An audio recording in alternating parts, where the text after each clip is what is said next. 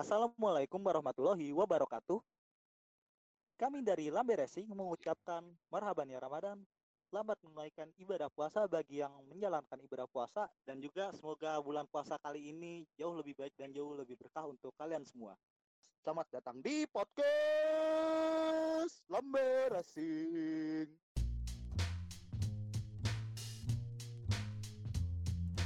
Nah itu eh, lebih banyak experience-nya gitu loh. Charles Leclerc di mana dia menjadi salah satu penantang yang cukup kompetitif untuk F1 musim kali ini dan juga sebagai calon bintang F1 untuk beberapa tahun ke depan.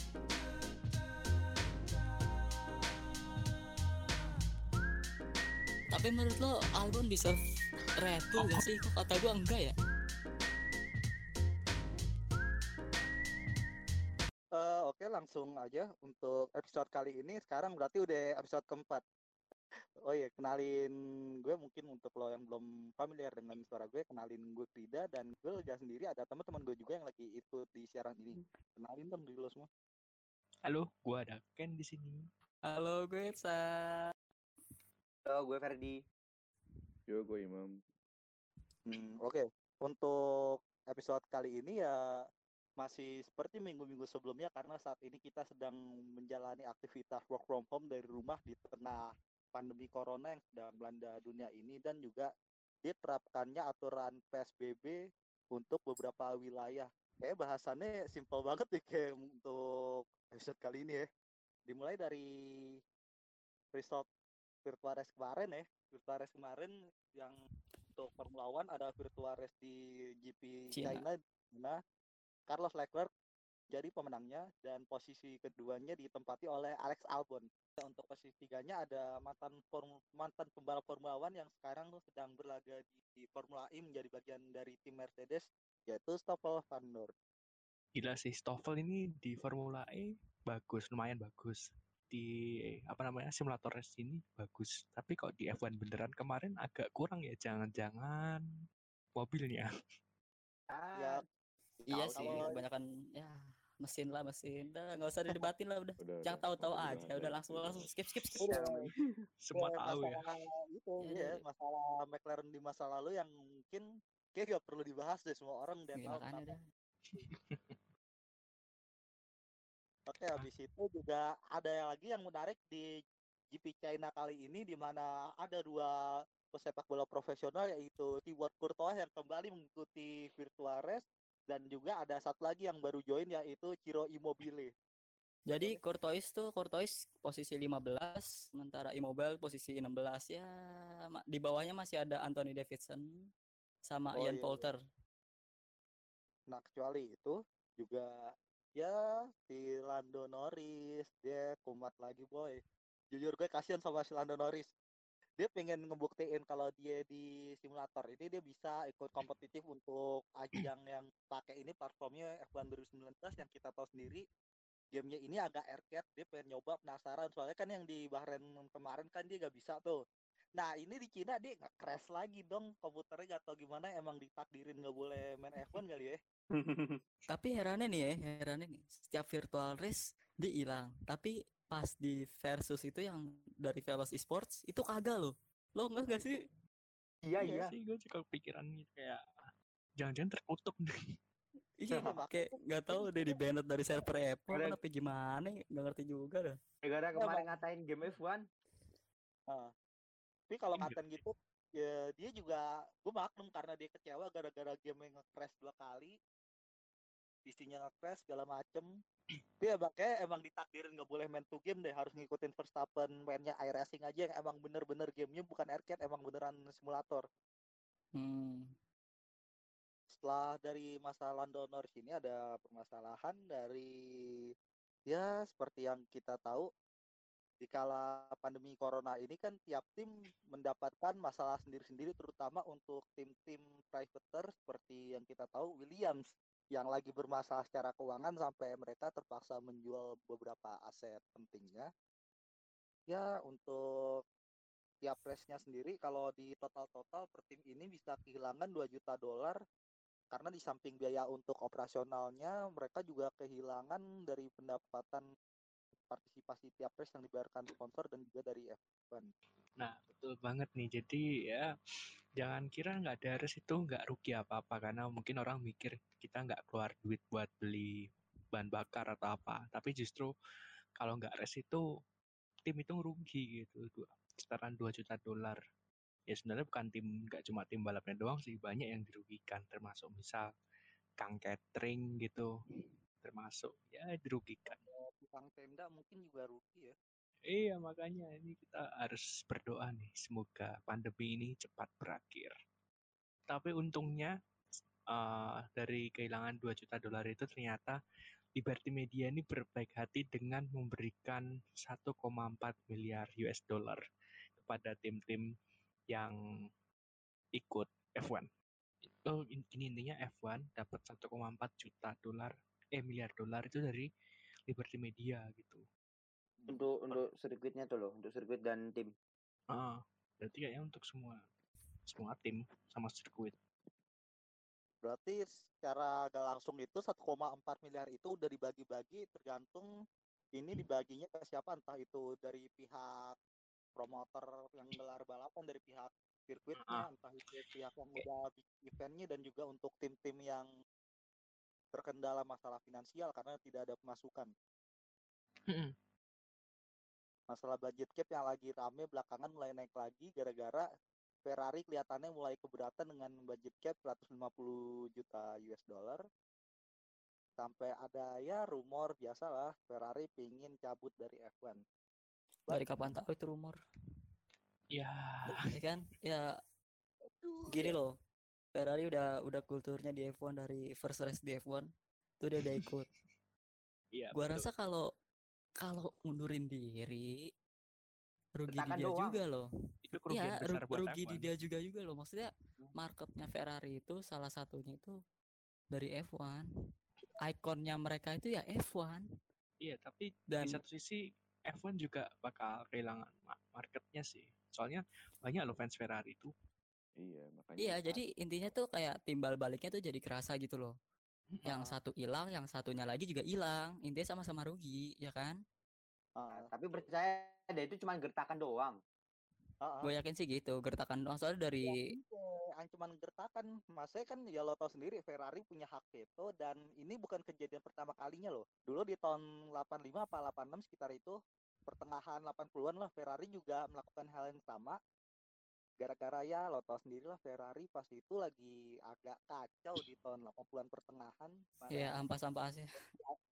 ampas sih gak, gak ampas-ampas banget cuman kayak ya terkutuk gitu. Emang reliability zaman dulu kan ya mesin turbo tahun 80-an kan reliability-nya lumayan kacau sampai lo tau sendiri tahun 82 bayangin si Keke Rosberg. Dia bisa juara dunia cuman modal menang balapan sekali. Iya sih makanya emang reliability tuh emang rada ngeselin gitu zaman dulu.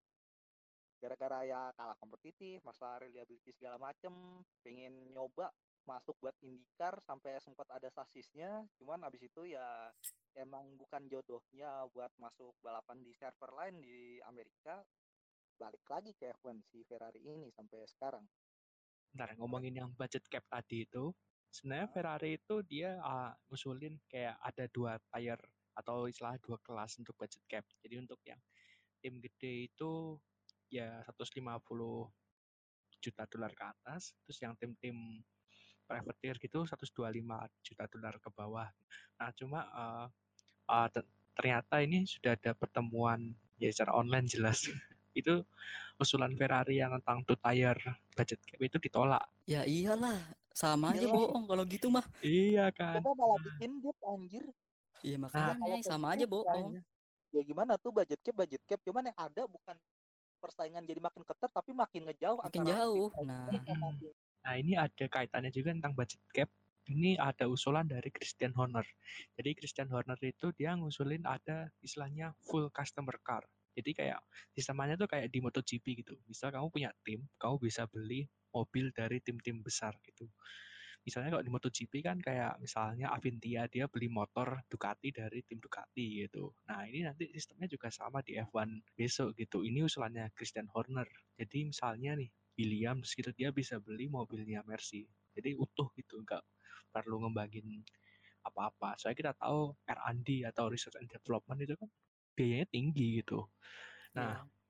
ternyata usulan ini ditolak mentah-mentah sama bosnya si Has. Tahulah siapa.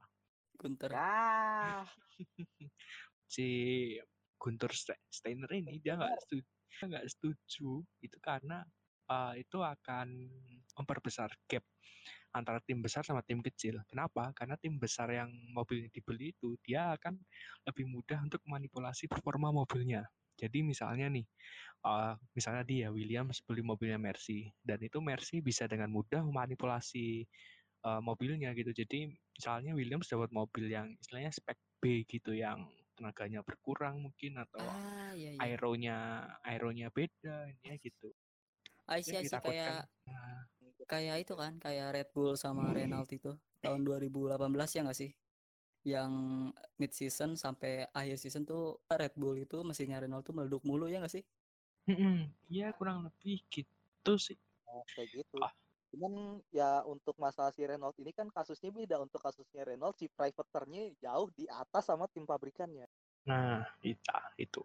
Mungkin kalau misalnya kita berkaca dari MotoGP ya, eh, misal nih, kita tahu kan tim-tim satelit Ducati, apa tim customer Ducati, misal Avintia katakanlah gitu, dia nggak bisa bersaing sama Ducati yang beneran kan, gitu. Karena emang spek motornya aja udah beda gitu. Dan Beda Ducati setahun kan? Mm, mana mau Ducati ngasih motor yang fresh ke tim yang customernya gitu. Nah itu yang takutin sama Steiner. Jadi kayak apa istilahnya mana mau Mercy, Ferrari gitu ngasih mobil yang terbaru gitu ya ke tim-tim Hmm, yang beli. Nah itu yang takutin Steiner. Cuma masuk akal juga sih penolakannya. masuk akal kok. Ya, masuk Iya, akal. ngerti, ngerti. Tapi di sisi lain usulan ini yang diusulkan Kristen Horner ini ya masuk akal juga mengingat budget sekarang kan sudah sudah nggak terkendali lah. iya Tim gede tuh bisa bisa mengeluarkan triliunan rupiah untuk satu musim. Makanya kalau diadain ya, ya ben- bener sih kata Gunter Steiner bisa jadi lebih jauh. Memperburuk keadaan yang sekarang. Nah, Hmm. Anyway, untuk masalah yang dibilang tadi kan masalahnya kan jadi sasis ini dibeli sama tim yang papan atas sama tim papan bawah gitu customernya. Nah, hasil sadar gak sih belakangan si Racing Point ini lagi rame-ramenya dikecam gara-gara sasisnya itu mirip banget kopas sama sasis Mercedes tahun lalu. Sebenarnya sih bukan hal pertama ya kayak eh, kasus yang copy paste gitu.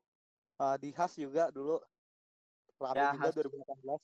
oh iya Tapi Has nggak seramai sekarang nggak sih? Nggak, maksud gua nggak nggak seperti yang sekarang Racing Point lakuin loh.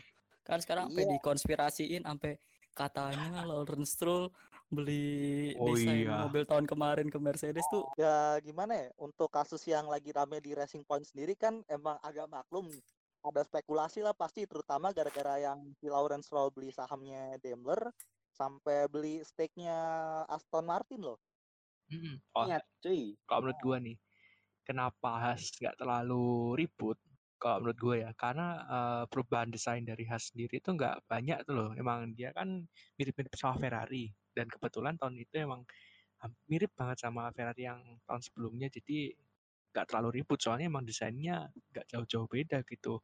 Beda sama yang si Pink itu Mercedes Pink. Lu lihat deh desain tahun kemarin sama tahun sekarang beda jauh kan Nah, itu mungkin yang bikin ribut gitu. Karena kayak perubahannya radikal banget gitu dalam waktu setahun dan itu mirip banget sama Mercy. Itu riset developmentnya kencang banget gitu. Nah makanya ada konspirasi yang kayak gitu kan yang katanya Lawrence Stroll beli desain itu tapi menurut gua ya mungkin aja sih soalnya kan gini loh La- Lawrence Stroll itu bisa beli saham Aston Martin yang mana nggak murah dong ya kan apalagi cuma buat beli desain loh beli perusahaan aja bisa beli tim F1 aja bisa ngasih seat buat anaknya aja bisa apalagi ya cuma minta desain gini I mean Duit, duitnya payah, parah Ya. duitnya. makanya bener-bener duitnya tuh udah bener-bener ngomong banyak banget nih lo gue kasih duit lo kasih gue ini gitu Sultan. Sultan Kanada. tapi lo gimana ya lo sadar saya sih lo sadar gak sih kenapa kayak si kasusnya dari kasusnya Haas sama kasusnya Racing Point kok ramenya beda kalau Haas kan rame di awal beberapa bulan kemudian hilang hilang kalau Racing Point sendiri nih kayak bakal rame sendiri Ini asli gara-gara faktor drivernya, soalnya kalau racing point ini kan drivernya bagus, pasti resultnya juga bakal bagus. Nah kalau dari Haas sendiri, lo tau sendiri kayak gimana drivernya, pada lawak semua boy. Drivernya gelut sendiri di track. Jangankan Ayo. drivernya, pit crew-nya itu lo ngelawak.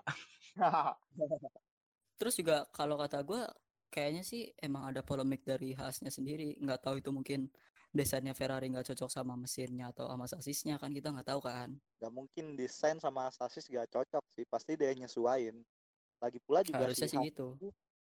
si Haas ini kalau nggak salah untuk dari musim 2016 mereka pas pertama kali masuk mereka masuk di Formula One dia gak ngembangin sendiri sasisnya kayak ngebeli sasis gitu sih kalau nggak salah dari Dallara ya pabriknya di sana juga sih Kalau yang Dallara itu istilahnya dia emang produsen sasis mungkin. Tapi ya nggak tahu sih riset developmentnya dari Dallara apa dari Haas. Tapi kalau yang aku baca sih emang akhir-akhir ini Haas itu nges- desain sendiri gitu. Nah, soalnya untuk desain sendiri gara-gara dari aturan rules regulasi 2017 kan ada di mana kayak tim Formula One ini untuk masalah sasis mereka harus ada beberapa part yang harus benar-benar ngedevelop sendiri berapa persen gitu itu naiknya drastis jadinya ya bisa dibandingin untuk result 2016 dan 2017 jauh akhirnya Hmm. 2018 si Haas ini pakai sasis Ferrari di tahun 2017 Penurunan lah ya. Sebenarnya kalau dari driver Magnussen nggak jelek-jelek amat kok. Grosjean juga menurut gue ya nggak konsisten aja sih, nggak konsisten aja sih keduanya. ya Iya. sih? Eh, kalau Magnussen tuh menurutku lumayan konsisten sih. Cuma ya kadang aja Sendiri. apes. konsisten untuk di Udah apes, gelut sendiri di track. Iya sih, tapi kalau Grosjean itu itu bagus. Cuma ya itu konsistennya aduh parah konsistensinya. ah enggak Grosjean gue bilang mediocre Tapi Bagus loh pasti Lotus loh, pasti Lotus bagus loh. Mm, tapi Entah maksudnya lu lihat deh hasil tesnya Haas tuh beberapa kali si Grosjean itu bagus banget tapi di balapan lain kayak jelek banget jadi kayak konsistensinya itu payah gitu Iya, bisa bisa bisa jadi nih ya, kemakan umur ya nggak sih? Mungkin dia udah habis duluan sebelum masa yang emang orang-orang bilang masa eh, emas pembalap ya masa-masanya udah habis duluan sebelum yang lain udah habis, dia udah habis duluan. Karena kan kita tahu di Lotus dia beberapa kali podium. Ya ng- nggak nggak gampang loh podium di F1. kalau di Lotus dia bagus kenapa Kimi Räikkönen pas di Lotus itu jauh lebih bagus daripada dia? That's the point. Padahal Kimi Räikkönen udah makan umur segala macem dan dia juga bukan masanya dia dia bisa menang. Grosjean enggak? Kimi kayaknya udah manusia yang berbeda sih. Dia umur 40-an ya sekarang. Iya, kayak Iya, Rossi deh. iya. Dia masih Rossi konsisten. Carlos Sainz juga tuh. Carlos Sainz yang di rally, bapaknya Carlos Sainz Junior. oh iya. Itu Carlos Sainz. Di Dakar sampai sekarang tetap ikut loh di Dakar sampai sampai Masih terakhir juara. Dakar Kemarin 2020. juara. Juara loh dia loh umur segitu. juara iya Mereka bukan manusia biasa. Ya, makanya umur juga kadang nggak nentuin juga sih. Tapi untuk umur gak nentuin kalau misalkan balapnya kayak balap endurance atau balap-balap yang nggak terlalu mentingin fisik dikuras dalam waktu cepat secara konstan beda hasilnya. Makanya lo lihat kayak misalkan balap-balap tua yang udah ikut rally Dakar, apa balap tua yang ikut endurance kan mereka resultnya ya gitu. Ya ada yang bagus ada yang enggak. Tapi seenggaknya gak jomplang banget sama kayak misalkan kayak di F1 mereka dalam seat panas dua jam muter-muter segala macem. Terus juga secara G-force beda kayak gitu. Secara fisik kan juga beda gak kuat juga. Indian resultnya bakal beda sampai akan ada istilah kemakan umur. Ada yang kelewatan dari MotoGP di mana salah satu calon driver yang digadang-gadang bakal menjadi penantang di front grid MotoGP untuk beberapa tahun ke depan dari Spanyol Alex Rins di mana dia baru menata- menandatangani perpanjangan kontrak dengan Suzuki. Ya, kan, menurut lo gimana sih si Rins ini? Kan dia sebenarnya punya potensi besar. Dia bisa aja masuk tim-tim yang lebih bagus dari Suzuki misalkan kayak Honda atau mungkin Ducati, Yamaha. Tapi kok dia malah perpanjang kontrak sama Suzuki? Oke, hmm, mungkin kalau aku jadi Rins, mungkin aku juga berpikir hal yang sama, maksudnya untuk panjang kontrak sama Suzuki. Kenapa? Karena Suzuki ini progresnya ini bagus loh, dia progresnya positif terus. Dan kita bisa lihat lah tahun kemarin gimana. Yamaha aja diayamin loh sama Suzuki berkali-kali. Ya, kalau Iya. Yamaha bisa diayamin ya kayak gue ya ngerti lah karena Yamaha punya masalah dapur Ya, sama Ya. tim-tim macam Ducati apa Honda beda banget developmentnya kan kalau Yamaha aneh pasti ada ya masalah ya itu bom lah segala Nah. macam Nah itu justru itu nilai positifnya. Uh, Yamaha sama Suzuki itu uh, lebih lama Yamaha loh di MotoGP. Karena Suzuki itu istilahnya baru balik lagi ke MotoGP kan tahun Hmm. 2015 ya apa 16 15 kayak Ya intinya dia keluar masuk lah ya. Uh, nah dan isinya uh, rider-ridernya juga bukan rider-rider yang top gitu. Justru rider-rider yang istilahnya berkembang gitu. Belum apa? matang lah rider-rider yang belum ah matang. belum matang. Ah, belum matang terus dimatengin. Contohnya kayak ah, Vinales dia kan bukan siapa-siapa sampai akhirnya dia di Suzuki bisa membuktikan yang terbaik. Bahkan dia dengan hasil-hasil balapannya itu menghapus sampai menghapusin konsesi yang dipunyain sama Suzuki itu.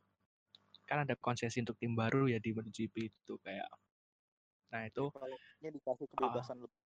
Mm-mm. Nah itu sampai konsesinya dihapuskan gara-gara Vinales ini istilahnya hasilnya bagus banget gitu di Suzuki.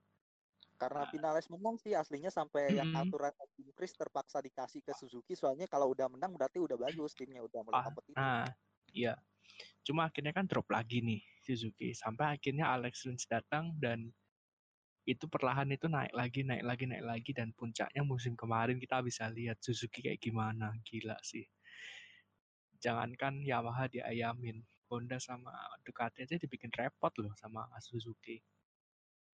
Makanya gue ber, gua berpikir kalau ah, keputusan Alex Rins ini bagus karena kita bisa lihat kayak gimana sebelumnya si Vinales dari Suzuki ke Yamaha.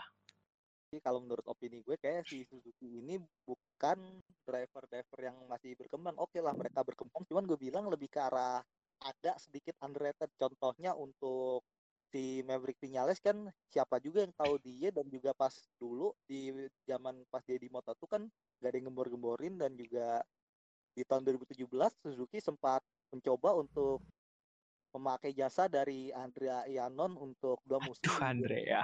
2018 tapi hasilnya seperti yang kita tahu Aduh ya no. Andrea Ianon itu dia kayak dewanya inkonsisten di mana dia sering jatuh-jatuhan Iya, iya, iya, iya, iya.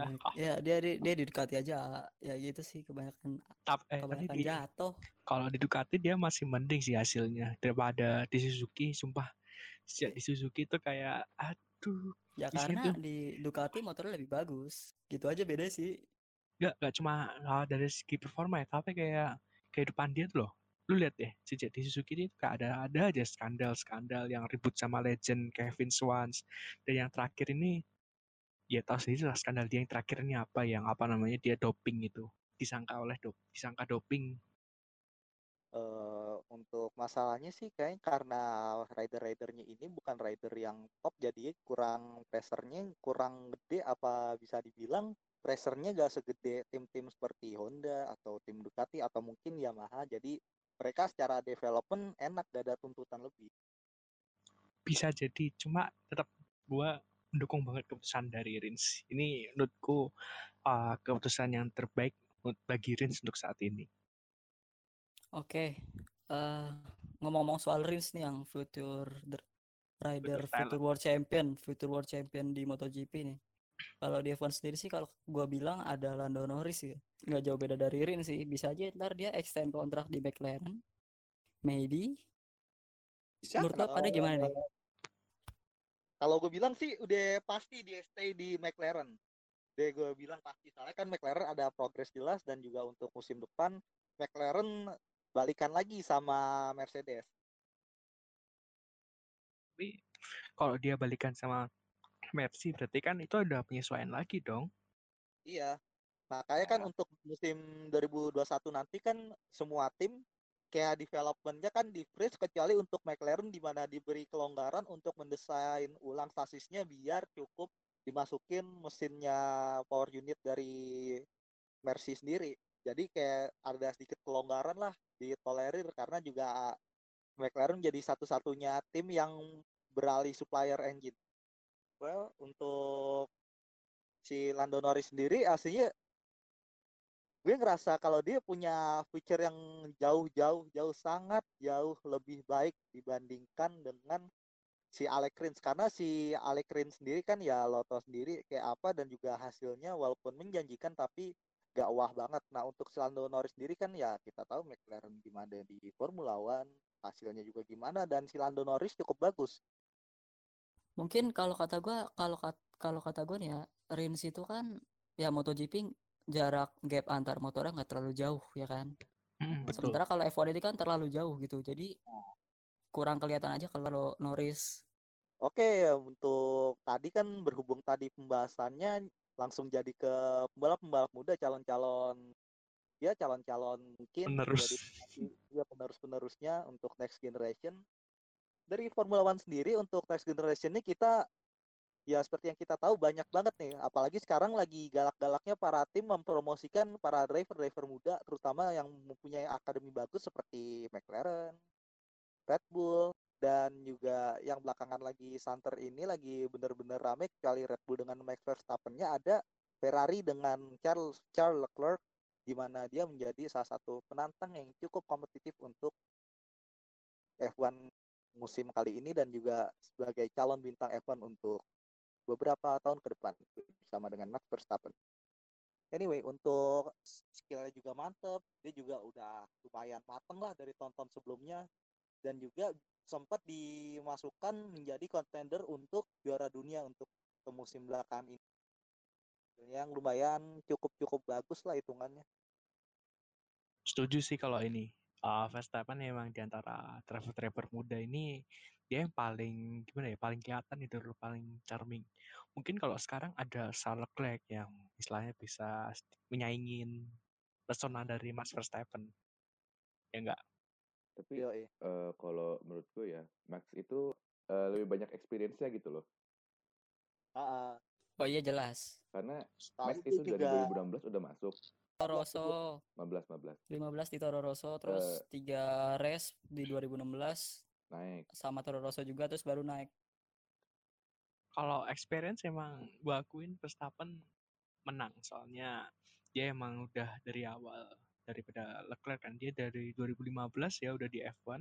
Nah cuma kalau apa namanya untuk saat ini ya dia tuh kayaknya sebanding sama Charles Leclerc harusnya gimana ya kalau dibandingin head to head itu secara result balapan segala macam tuh mereka udah sebanding loh. Walaupun Leclerc emang baru dari 2018 ya dia dari F1 gue bilang masalah sebanding ya sebanding oke. Cuman kayak misalkan nih kayak si Max Verstappen ini kalau gue bilang nih kalau dibikin kayak rating gitu di atasnya Charles Leclerc mungkin di atas dua lah. Misalkan contohnya nih kalau dibikin rating di game F1 si Max Verstappen mungkin ratingnya 89 apa 88 gitu kalau yang reasonable si Charles Leclerc itu 87 cuman potensinya kalau si untuk range dari 0 ke 100 mungkin potensinya si Max Verstappen 98 si Charles Leclerc sama juga 98 setara gitu iya gak sih kalau menurut lo semua Iya. betul sih benar. Gue gue setuju, gue setuju. Setuju kok, setuju. terutama faktor tim timnya juga kayak Ferrari kayak bisa di atas sedikit lah gitu loh oh iya Hmm. benar benar benar jadi kayak ada pembanding gimana ada sisi itu bisa ngebalance lah Iya sih, cuma tetap itu kayaknya mereka berdua bakalan eh, tower deh besok. Towersnya untuk juara dunia gitu. Ibarat kalau sekarang tuh Hamilton sama Vettel mungkin ya next. ya bisa penerusnya Mm-mm. bisa jadi suksesor mereka berdua well anyway membahas driver-driver muda yang berpotensi dan bisa dibilang mungkin menjadi icon untuk Formula Formula One beberapa tahun ke depan seperti yang dulu terjadi di masa 2000-an awal di mana ada Kimi Raikkonen, ada juga Fernando Alonso yang seperti kita tahu sekarang mereka menjadi legenda di Formula One. Tidak ketinggalan ada juga Lando Norris, idola para Wah, netizen semua. Tapi Lando Iya. Norris ini gue bilang aslinya potensinya setara cuman karena dia paling muda paling baru masuknya juga di antara mereka berdua yang paling mereka bertiga paling belakangan si Lando Norris sendiri. Terus Hmm, juga mobilnya faktor juga juga, faktor timnya kan si Lando Norris di McLaren. Hasilnya kan bukan hasil yang resultnya bagus setara sama mereka berdua. Cuman potensinya ini bagus banget si Lando Norris apalagi menyangkut masalah icon Formula One kan tentu juga harus ada sisi brand image dan juga si driver ini bisa menarik para penonton untuk ngefans sama dia. Nah, si Lando Norris ini punya ada sisi di mana bisa menjual apalagi kan dia memlor, terus juga dia demen ngelawak, lebih funny, lebih have fun, lebih open lah gitu. Kayak Ya. si Ya. Daniel Ricciardo. Hmm. Pinter-pinter caper lah ya ibaratnya.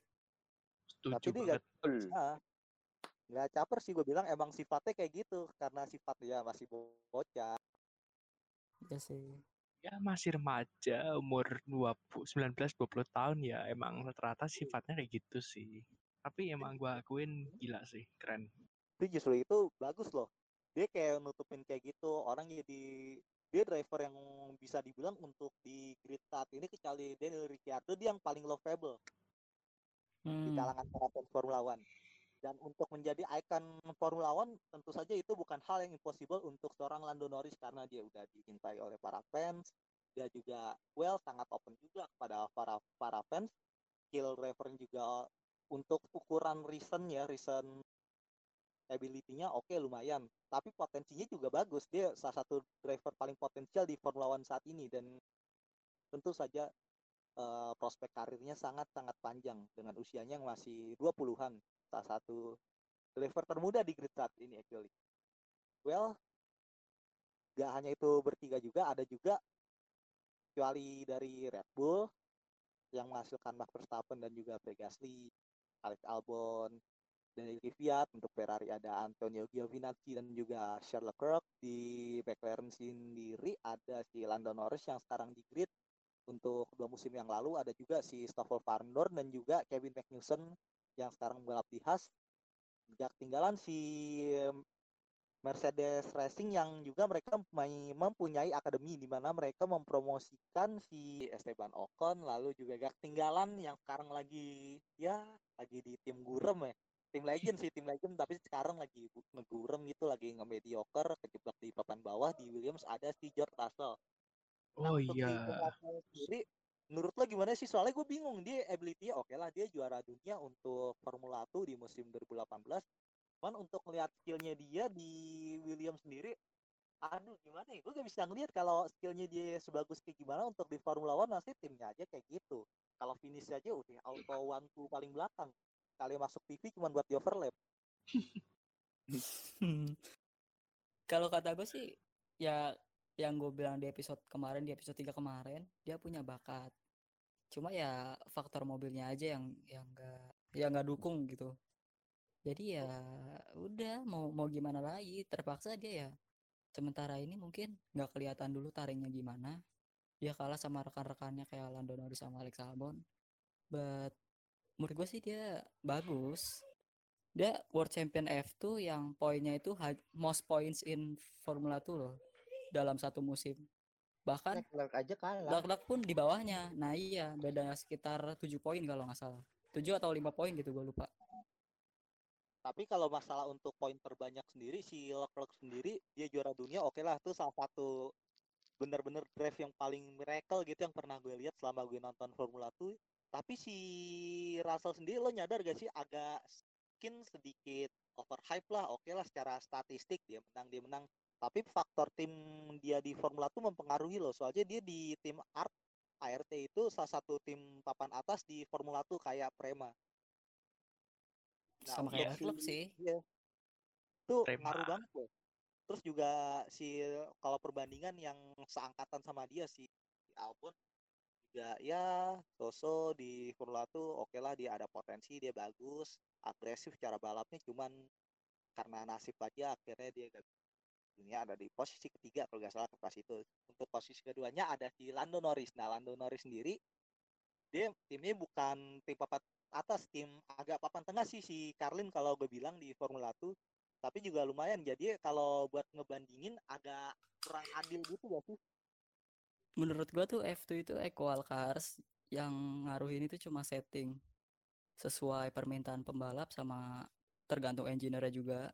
Jadi kalau misalnya mau ngebandingin terus lo ngomong gak fair menurut gua enggak sih. Ini fair-fair aja kalau kata gua. Cuma ya mungkin George Russell ini selama karirnya di Formula tuh nggak ada yang something special kayak Charles Leclerc yang comeback dari posisi belakang ke depan. Gitu aja sih. Uh, nothing special di nothing special cuman oke dia punya potensi dia good cuman nggak ada kayak faktor pembeda di mana dia kayak bukan cuma another good talent another hot prospect dia ada something special gitu yang bisa menjadi pembeda dari talent-talent lain yang ada. Betul, Ya, kayak- setuju. balapannya di Formula 1 tuh cuma sejauh ini gue lihat ya eh, cuma ya datar-datar aja. Kayak lo main race menang menang menang. Beda kayak Leclerc yang gua rasa Leclerc kan lebih ada powernya Karena kerasa gitu. Kayak overtake-nya tuh spektakuler terus strateginya juga kan. Kayak pure talentnya gitu sih lebih beda. Iya pure talentnya lebih beda. Pembawaannya juga beda sih kalau kata gua. Leclerc Ah. agresif terus Oh, ngerasa iya. sebenarnya cenderung lebih ke soft tapi nggak terlalu soft banget kayak Norris. Smooth gitu. Ya mas tapi masih ada agresif agresifnya juga. Ya medium lah, balance. Ya balance lah balance. Ah, ngarahnya ke agak smooth sih ngarahnya nggak ngebalance. Soalnya kan ya dari driving style sendiri untuk di akademi akademi balap kan mereka ngajarinnya drive sesmooth mungkin untuk meraih hasil yang konsisten kecepatannya konsisten. Kayak gitu kan diajarinnya kalau di akademi akademi balap. Iya sih, cuma mungkin Leclerc emang dia kayak udah ada apa ya, istilahnya udah ada potensi sendiri gitu selain di akademinya. Soalnya kita tahu juga dia dari muda aja udah jadiin Jules Bianchi jadi mentor kan. Maksudku dia dari awal emang udah belajar gitu loh nggak cuma dari akademi doang gitu. mungkin itu Ya, sih yang bikin dia itu lebih kayak agresif faktor pembedanya lah Mm-mm. kalau faktor ada Hmm. faktor dia tiba-tiba ada something special gue bilang sih itu bukan sesuatu yang terlatih itu sesuatu kayak berkah gitu muncul secara tiba-tiba ada di diri dia sendiri kayak Ya. misalkan Lionel Messi sama ya kita lihat sendiri untuk pemain-pemain yang bisa dribble di Brazil oke lah untuk pemain mungkin dribble bisa ngolongin bisa gocek-gocek bisa kalau lo tonton bola. Cuman kan yang bikin beda kayak ada something special yang jadi pembeda gitu nggak sama kayak yang lain. Naluri lah ya naluri. Oh, tapi Charles Leclerc ini dia punya gen pembalap nggak sih? Itu Kayak bapaknya RV RV bapaknya bapaknya itu pembalap.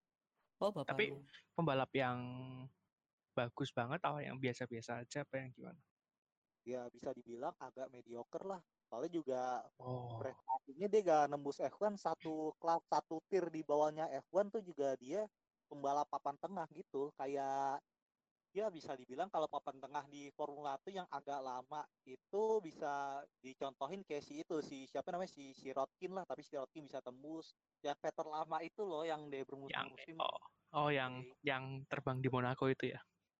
Tapi untuk di bisa dibilang sih di Formula One sendiri nih KKN-nya kenceng banget lo kerasa gak sih nepotismenya? Ya gimana ya? Itu kayak udah jadi rahasia umum ya balapan top tire itu entah MotoGP atau F1 atau apalah itu itu pasti eh, nggak pure sport tapi juga ada politik sama money game pasti itu. jelas. jadi tapi kayak untuk rahasia ya, umum sih. Hmm, untuk politiknya sendiri sebenarnya di F1 lebih keras. Nah untuk kayak sisi nepotisme sendiri kan beda. Soalnya Formula One balap yang untuk membutuhkan dananya jauh lebih besar MotoGP. Sehingga kan kalau MotoGP lo mau masuk bisa bawa sponsor oke lah. Untuk Formula One sendiri untuk sponsor sponsor sendiri gak cukup. Kecuali lo sponsornya gede banget. Kayak dulu tahun 870 80 90-an kan pay drivernya kenceng banget. Backingannya kenceng. Entah itu dari supplier mesin seperti driver-driver Jepang atau mungkin usaha-pengusaha atau ya ada masukan dari luar yang kenceng di driver-driver dulu atau mungkin Jerman kalau sekarang juga sih. kalau sekarang titipan paling titipannya cuma mentok di free practice doang ya kayaknya ya di free Iya. practice gitu. Iya Pasti kan? doang. Iya kayak Soalnya contohnya di. Toro Rosso. Toro Rosso kan ada itu yang driver Jepang itu aku lupa namanya itu. Naoki Yamamoto Nah Iya, itu Yamamoto. ya kan. Terus Terus, Sultan Ayam juga. aduh aku aku udah menghindari loh. banyak kok dulu pas Manor juga sering kali gantian kayak Rio Verlaine Jordan King Esteban Ocon Iya. terus pas zamannya Marussia juga Max Chilton Bianchi terus Rossi terus Terus cukup Steven. banyak sih kayak apalagi apalagi Manor kan tim yang butuh duit jadi mungkin mereka bayar Manor supaya bisa minimal ikut free practice buat show up dirinya kalau dia punya bakat dan dia deserve ke F1 gitu aja sih kayak Jordan Tapi King kan di Jordan King sendiri kan sebenarnya juga ya dia punya well talent tapi kayak biasa aja gitu gak sih makanya dia Iya. sampai seat Ya setuju sih gue Krit kayak dia biasa aja gitu. Nggak ada yang spesial-spesial aja. gitu-gitu aja Mm-mm. Well untuk permasalahan F1 sendiri gak jauh-jauh dari kata-kata KKN nah saya itu juga di F1 sendiri masuknya juga susah. Dan untuk masuknya sendiri sebenarnya ada 3 sampai 4 cara sih. Yang pertama lo ada backingan entah itu dari mesin. Yang kedua lo driver dari akademi. Yang ketiga lo punya backingan uang yang kenceng. Seperti contohnya Nicolas Latifi dan juga Lance Stroll. Nah yang terakhir ini udah jarang banget belakangan driver yang nggak punya backingan, cuman dia masuk karena berbekalkan prestasi yang ada di masa-masa sebelumnya sehingga sponsor tertarik dan bawa masuk mereka. Kenapa gue gak bilang jalur sponsor masukin? Soalnya jalur sponsor ini sudah termasuk ke dalam sisi pay driver. Ya seperti yang kita tahu si Nicolas Latifi sendiri dia pay drivernya oke lah pay driver cuman dia ngesponsorin dagangan bapaknya kayak Sofina lah Faza segala macem kayak gitu Oh iya benar-benar. Karena keterbatasan jalannya dan juga udah langkanya driver yang bener-bener pure karena ada talent dia desain sama tim gitu desain untuk ya mungkin per musiman kayak gitu kan deh langka banget di masa modern F1 di mana lagi panas-panasnya sekarang untuk berlomba-lomba mengembangkan sebaik mungkin driver dari akademinya. Ada satu yang ketinggalan mungkin ya bisa dibilang harusnya dibawa bener-bener dari awal sih. Red Bull Racing untuk Red Bull Academy sendiri ya lo tau sendiri akademi mereka sebagus apa, talent yang dihasilkan seperti apa dan prestasinya juga well itu bagus banget boy, bagus banget. Lo lihat alumni siapa aja? Ada Sebastian Vettel, ada Generic Fern yang menjadi salah satu driver terbaik di grid Formula E saat ini. Ada juga Max Verstappen, ada Dennis Kvyat, ada Pierre Gasly, Alex Albon, dan juga Carlos. Sainz. Oh iya Carlos Sainz kelupaan. Ya. Terlupakan dia. Sebastian Buemi. Buemi juga oke, Iya. itu oke walaupun ya so-so lah dia talentnya kayak gitu. Dulu ada juga yang menyajikan itu dari Da Spanyol Costa? Iya. Da Costa juga tuh dulu. Ya, dari banyak lah. Da Costa itu Da Costa ini cuma sebatas tes dia pernah ngetes di di Force India dulu. Oke, Da Costa gitu dia sebatas ngetes doang kayak Robin French juga. Ah iya. Terus juga situ siapa lupa gue. Borde. Oh Sebastian iya, Borde. Borde. Cuman si Borde ini asli dia desainnya agak agak telat sih. Dia umurnya udah umur peak pas dia join ke Toro Rosso, umurnya juga pas itu dia kan dia kelahiran 79 kalau nggak salah hitungannya dia bukan driver muda dia masuknya ya karena dia ada CV bagus sebelumnya di kart. Di kart dia juga juara dunia kalau nggak salah dulu. Eh bisa dibilang di Red Bull sendiri menarik-menarik loh. Dari tadi contoh-contoh yang gue sebutin kalau menurut lo nih dari contoh dari akademi Red Bull sendiri yang udah masuk F1 yang udah ngejajal di F1 sebutin tiga siapa aja top list lo dari tiga mulai dari gue deh kalau gue sih top listnya ya ini pasti Sebastian Vettel Max Verstappen dan juga yang ketiga Daniel Ricciardo kalau lo lo semua Gue sama kayak Ah, Rida. gue sama sih kayak lu Krit. anjir bisa satu opini semua Enggak, gue nomor tiganya enggak. siapa Kalau- ya lo nomor ya. tiga ya Gue tiga Carlos Sainz. Gue Ah. setuju sama Etsa. Gue juga oh, pikir gitu. Iya, jangan Gini lupa loh. Jeff. Enggak kalau kata gue Sainz. Hmm, Gimana ya, Jeff? Ah, Gimana loh. ya? Bagus sih masalahnya. Tapi kayak, aduh. Tetap Sainz. Kurang kalau kata gue. Mungkin Tetap Sainz. eh waktunya sih belum belum belum terbayarkan oleh waktu aja. gitu. Sama kayak Sainz yang menurut gue dia deserve ke Red Bull setelah Daniel Kvyat di demote ke Toro Rosso cuma Helmut Marko sama Horner lebih milih eh, Max Verstappen karena ya dia lebih muda, potensialnya lebih oke. Jadi Bukan ya keputusan yang aja sih. salah sih. Bukan nggak nggak salah kok keputusan mereka, cuma mungkin karena Iya. itu Sainz sakit hati and then dia leave padahal kalau nggak salah nih ya eh, Sainz itu pernah dua kali P4 pakai Toro Rosso kalau nggak salah salah satu itu di Singapura 2017 di itu juga sih siapa ya? Generic Fern asli kalau mau jujur nih gue pengen masukin si Generic Fern cuman ya gue mikir-mikir juga. Kan top listnya cuma tiga. Nah tiga tiga drivernya juga itu punya something special dan bagus banget. Kalau menurut gue makanya gue taruh si Ricciardo nomor tiga soalnya dia spesialis comeback terus dia juga prestasinya bagus terus juga overtake-nya wah gila. Itu ibaratnya deh kayak kayak seni overtake gitu gak sih? Soalnya dia tiap overtake diri dia bukan overtake yang cuma sebatas dive boom agresif dia tiap overtake itu kalau kesempatan buka sekecil apa pun kesempatannya dia bisa memaksimalkan Hmm, agresif gitu ya. ya bu- agresif cuman nggak agresif kebablasan tuh deh kayak Nggak yang ngawur. awal dia pure talent Mod- gitu lah dia tahu gimana cara buat overtake yang tepat momentum yang tepat walaupun keadaannya unstable kayak di Shanghai 2017 yang dia menang overtake Bottas dan yang paling bener-bener susah dilupain buat gue itu overtake dia di bak langsung Oh, iya. tiga balap di Tiga, oh iya betul betul. Terus dia juara Hmm. kan di Baku. iya Iya. dia menang di Baku itu Eh, menurut lo nih pada nih, Hmm. sekarang kan menggantinya Albon. Setelah sebelumnya Gasly dicap gagal oleh para petinggi Red Bull, Albon sekarang nih yang gua ngerasa dia belum deserve. Menurut lo, lo pada deserve nggak sih? bakal jadi perdebatan ini sumpah Susah sih. susah posisinya agak ngambang Tapi emang uh, Gasly sama Albon ini yaitu karakternya beda. Kalau Albon tuh lebih agresif, mungkin itu yang bikin kayak eh Pak D Helmut Marko itu kepincut gitu. Karena ya dia agresif. Karena kita lihat eh tim-tim Red Bull itu drivernya rata-rata agresif. Ricciardo, Verstappen.